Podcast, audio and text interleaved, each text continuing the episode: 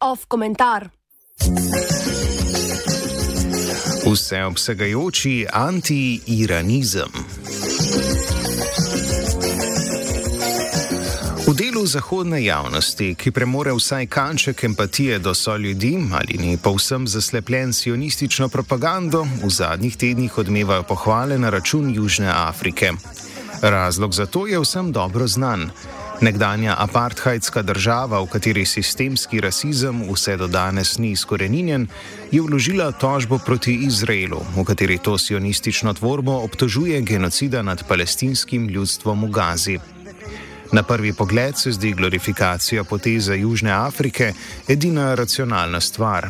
To pa zato, ker v danih razmerah, torej v ideološkem in informacijskem kontekstu, v katerem bivamo na Zahodu, to tudi je. Zakaj je takšen odziv racionalen, a hkrati naiven, oziroma empatičen in plemenit, a hkrati infantilen, bomo skušali razdeliti v današnjem off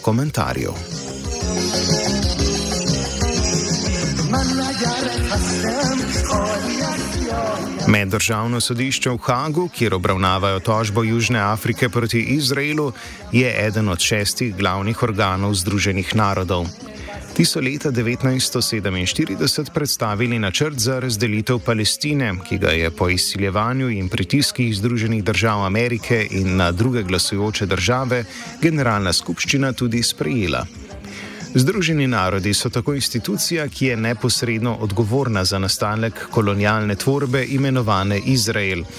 Po 75 letih upletenosti Združenih narodov v tako imenovani izraelsko-palestinski konflikt, vsak po svojem telefonu spremljamo, kako Izrael nad palestinci v Gazi izvaja genocid.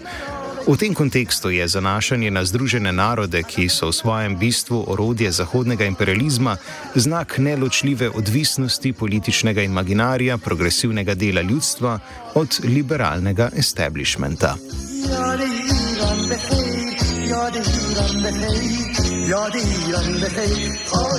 Da je stopnja kognitivne disonance še večja, nakazuje dejstvo, da tudi pri najbolj zapriseženih antiimperialistih le stežka zasledimo pozitiven komentar o edini državi na svetu, ki neposredno podpira osvoboditev palestincev. Vse od nastanka države leta 1979 je ena ključnih zavez Islamske republike Iran emancipacija palestincev in boj proti sionizmu.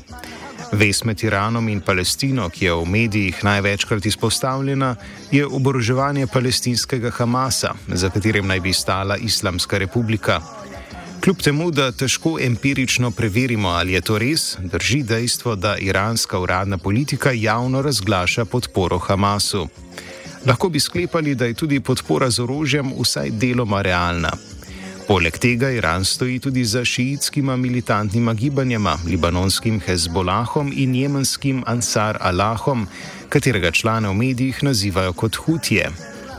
Potem, ko so prav vse arabske države postale prešipke, da bi se zoprstavile Izraelu ali pa z njim celo odkrito paktirajo, sta to poleg palestinskih skupin edini organizaciji v arabskem svetu, ki se z orožjem zoprstavljata sionistom.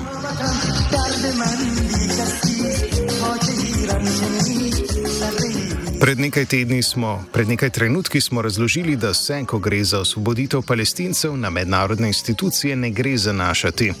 In to ne zato, ker bi, kot nekateri radi lepo rečijo, zatajile, temveč zato, ker so same po sebi imperialistični konstrukt. Osvoboditev palestincev, tako v Gazi kot na Zahodnem bregu, je mogoča zgolj z oboroženim odporom proti okupatorju, Iran je edina država na svetu, ki ta upor z dobavo orožja omogoča ali vsaj pomaga omogočati. Če tudi smo do trditev zahodnih obveščevalcev in medijev o razsežnosti in sistematičnosti tega oboroževanja lahko skeptični, oboroževanje palestinskega upora ni nekaj, kar bi delegitimiralo sam boj. Kvečemu je v imperialističnem kontekstu oboroževanje palestinskega osvobodilnega boja hvale vredna praksa.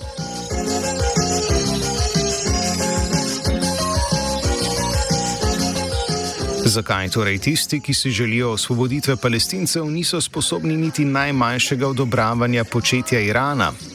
Pri liberalcih je, kot je to za nje značilno, odgovor preprost. Hamas je teroristična organizacija, napad 7. oktober pa je povsem neupravičen. Pri tistih bolj progresivnih, ki razumejo, da je oborožen odpor palestincev nujen, če tudi s tem skalijo mir rejverjev, ki do svita žurajo zraven koncentracijskega taborišča, je to vprašanje za odtenek bolj zapleteno.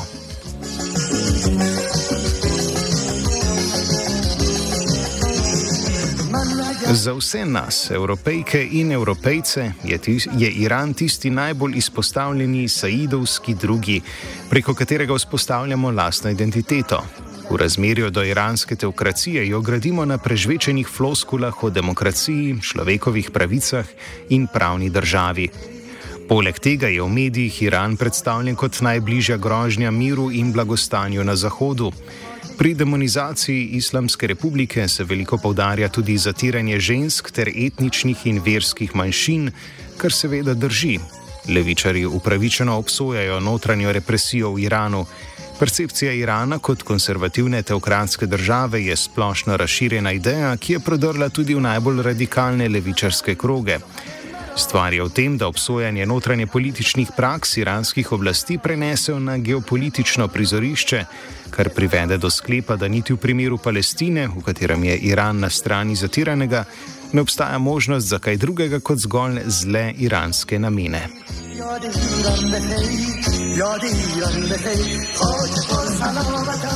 Pri tem se razmišljajočemu individuumu poraja vprašanje, je Južna Afrika, nekdanja apartheidska država, ki je še danes ena najbolj razslojenih držav na svetu, res tako pravičnejša in inkluzivnejša od Irana. Če njena notranja politika ne delegitimira tožbe proti Izraelu, bi moralo veljati, da niti opolnomočenja palestincev, ki ga izvaja Iran, ne smemo kategorično zavrniti zgolj zaradi notranje političnih praks v perzijski državi.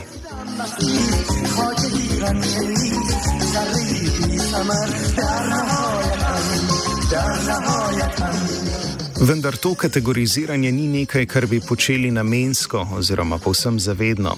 Gre za to, da je politični imaginarij antiimperialistov tako zelo prežet z neprestano demonizacijo Irana, da mu kljub temu, da aktivno stremi k osvoboditvi palestincev, niso zmožni pripisati njegove pravičniške vloge.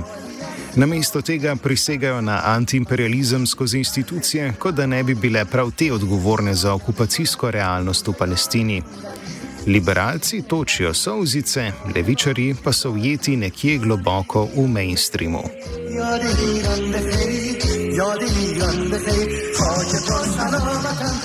Da jim to ni ravno v čast, meni Fin Lucu Dražovič.